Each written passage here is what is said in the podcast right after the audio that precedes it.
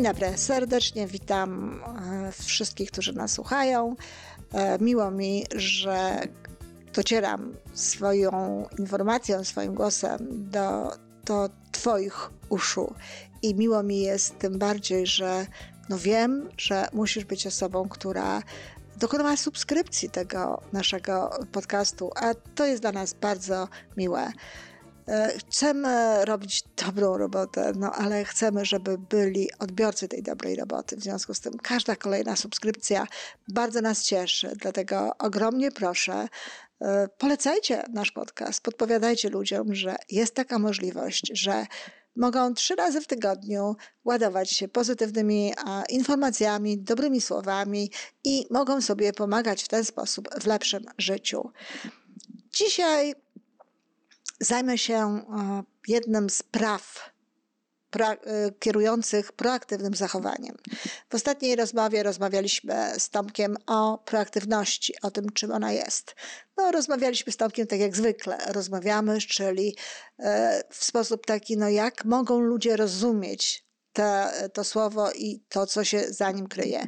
Dzisiaj natomiast chcę już podejść do tego w taki sposób, w jaki podchodzę ja jako psycholog, jako konsultant, mentor, coach i osoba, która wspiera od wielu lat rozwój osobisty różnych osób i swój własny rozwój osobisty i która jest od ponad 30 lat zafascynowana proaktywnością.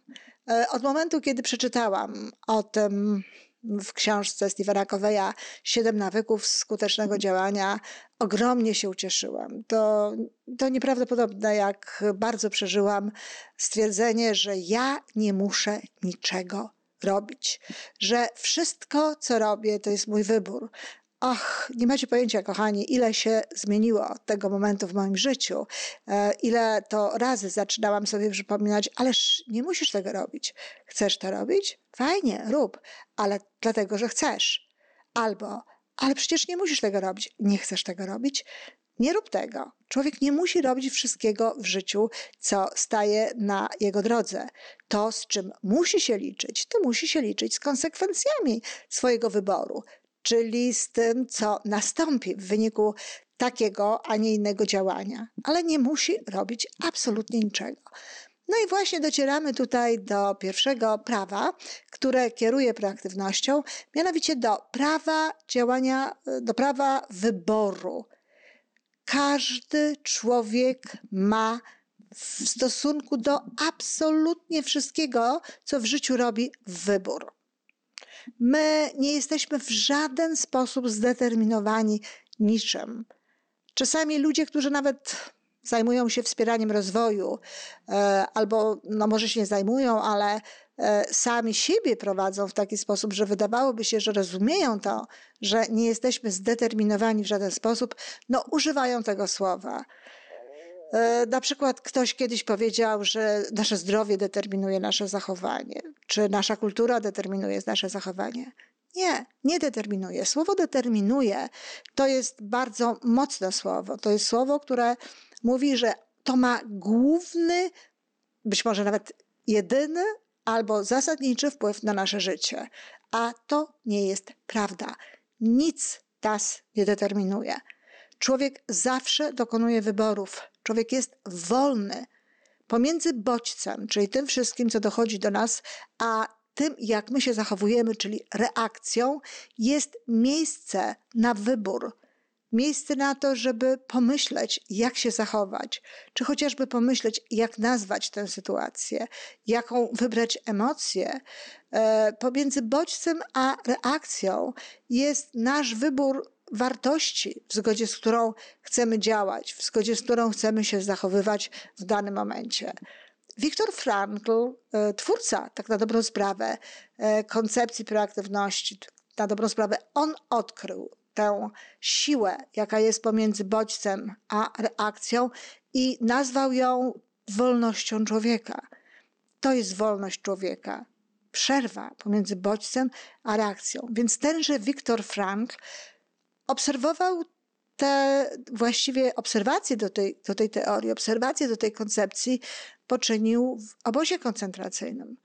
Przecież można byłoby powiedzieć, ależ obóz koncentracyjny to jest takie miejsce, które determinuje sposób zachowania i sposób myślenia. No i tutaj e, raczej ta determinacja no, byłaby na pewno niczym dobrym. Na pewno należałoby się spodziewać ludzi nieszczęśliwych, przygnębionych, um, myślących tylko o tym, co spotkało ich w życiu niedobrego, czy ewentualnie tęskniących, przerażonych itd., tak itd. Tak no w każdym razie cała gama raczej przykrych, raczej negatywnych informacji.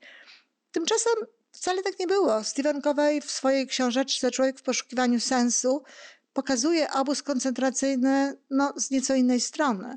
Ja jestem osobą, która z założenia nie ogląda wojennych filmów i nie czyta takich książek.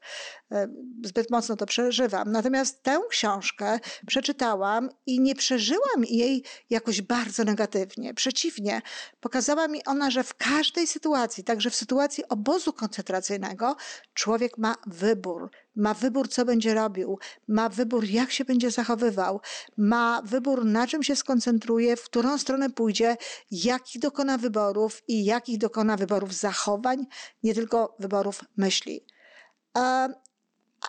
Frank w tym obozie myślał o bliskich, myślał o tych, których kocha, zwłaszcza swojej żonie. E, to dawało mu jakby siłę do tego, żeby dbać o siebie tak, żeby do niej wrócić, ale też był wsparciem dla innych ludzi. E, również w tym obozie Viktor Frankl tworzył jak gdyby nowe założenia swojej koncepcji, którą nazwał logoterapią czyli taką terapią na zasadzie e, szukania sensu życia, na zasadzie e, tego, co, co w życiu jest e, tak najważniejsze, co nadaje mu spełnienie. I myślał o tym, wyobrażał sobie, ponieważ zabrano mu jego, jego papiery, jego, jego mm, rękopis czy, czy manuskrypt, nie wiem jak to, czy on pisał te rzeczy, więc w głowie jak gdyby pisał sobie dalszy ciąg tej książki. Wybrał życie, wybrał koncentrację na tym, co silne, co pozytywne, co dobre, co pozwalało mu przetrwać. No, nie wszyscy dokonywali takich wyborów. Oczywiście zawsze w takich sytuacjach słyszę, no ale ktoś inny może jest słabszy. No, może jest słabszy, ale co to tak naprawdę znaczy słabszy? A może to słabsze to znaczy po prostu to, że brakuje mu proaktywności, żeby wybrać właściwe myśli, żeby wybrać właściwe emocje, żeby wybrać właściwe zachowania. Ja bardzo często słyszałam w moim życiu: Ty jesteś silna, ty jesteś silniejsza. No, na pewno jestem dzielna i byłam dzielna i wybierałam na przykład trochę lepiej niż mój brat. Ciebie oboje mieliśmy mniej więcej taką samą sytuację, ale ja jednak wybierałam ja jednak dokonywałam pewnych wyborów. Dlaczego ja jestem silniejsza? No może właśnie dlatego, że potrafiłam wybrać coś innego, że nie poddawałam się jakby reaktywnie temu, co niosło mi środowisko, temu, co niósł mi los i moja sytuacja, tylko wybierałam w zgodzie z tym, co chciałabym, żeby było. Wybierałam rzeczy, które bardziej mi się podobały, do, do których bardziej e, dążyłam, do których aspirowałam. Tak mi się czasami wydaje, że właśnie to, kiedy mówimy o kimś, że ktoś jest silniejszy, a ktoś inny jest słabszy, to tym głównym elementem różnicującym tych ludzi to jest właśnie ta zdolność wyboru. Zdolność wyboru właściwych myśli, zdolność wyboru właściwych zachowań. A zatem pomiędzy bodźcem a reakcją jest nasza wolność. To jest prawdziwa wolność człowieka nam mogą ograniczyć swobodę, swobodę. Możemy nie mieć możliwości wyborów w sensie swobody działania. Na przykład możemy być, nie wiem, w więzieniu, czy no właśnie tak jak Frankl w obozie koncentracyjnym, ale nasza dusza jest wolna, nasza myśl jest wolna, nasza świadomość jest wolna. I w ramach tego, w ramach tej naszej świadomości, naszej duszy, możemy dokonywać własnych wyborów. I jeśli nie będziemy chcieli, jeśli nie będziemy chcieli zrobić czegoś, nikt nie jest w stanie tak naprawdę no, zmusić nas do jakichś rzeczy. No to są już sprawy ostateczne, ale tak na co dzień po prostu. Przecież to my wybieramy. czy chcemy się na kogoś zdenerwować, czy nie. To my wybieramy, jak pomyślimy o tej osobie. To my wybieramy, czy chcemy pracować w takim miejscu, czy w innym. Jeśli nie lubimy jakiejś pracy, to przecież to jest tylko kwestia naszego wyboru, żeby zmienić ją na inną. To my wybieramy, ile czasu chcemy poświęcać bliskim osobom, dzieciom. To my wybieramy, jak chcemy traktować te osoby, jak chcemy w ogóle traktować życie.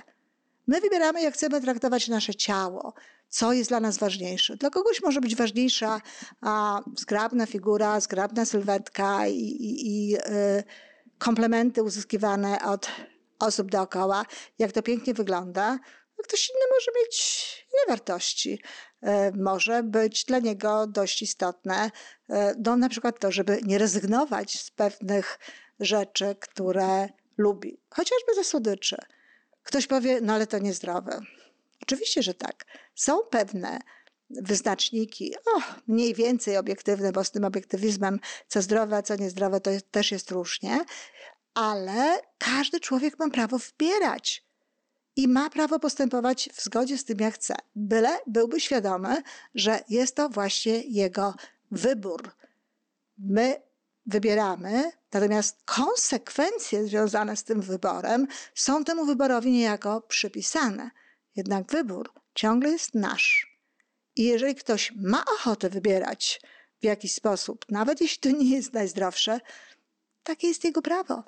Tylko oczywiście nie, nie mamy wtedy do nikogo pretensji. Tym między innymi również charakteryzuje się mm, proaktywność, że ludzie, którzy dokonują samodzielnych wyborów, rozumieją, że nie mogą obarczać odpowiedzialnością, pretensjami ani żadnymi innymi jakimiś przykrymi no, emocjami innych ludzi. Wszak sami wybrali taką, a nie inną sytuację, w związku z tym, do kogo mogą mieć pretensje.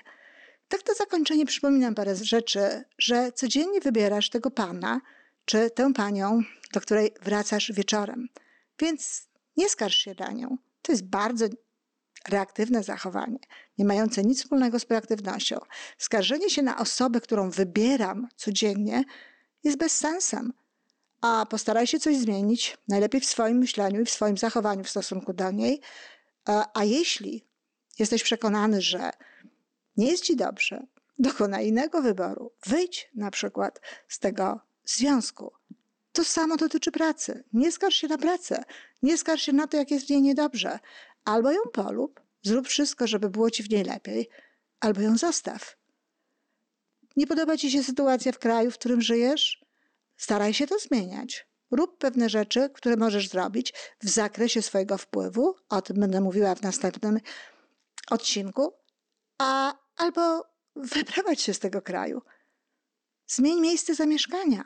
Narzekanie na kraj, na swoją ojczyznę czy na miejsce, które się wybrało, krytykowanie i trwanie w tym bez jednoczesnego robienia różnych innych rzeczy nie ma najmniejszego sensu. Nawiasem mówiąc, kiedy ludzie proaktywni nie tylko dokonują pewnych wyborów, ale również w zgodzie z tymi wyborami działają, jest im o wiele łatwiej znosić te sytuacje, które są ciężkie. Tacy ludzie zazwyczaj są również dzięki temu e, bardziej radośni, a mają też i większe poczucie własnej wartości, ponieważ widzą wpływ, jaki mają na swoje życie, no ten wpływ no, wtórnie jakby dodaje im poczucia własnej wartości. Czyli podsumowując, pierwsze prawo, które zarządza proaktywnością, to prawo wyboru. Mamy wybór w każdej sytuacji. Nigdy nie jest tak, że nie ma jakiejś innej możliwości. Warto o tym pamiętać. Dziękuję.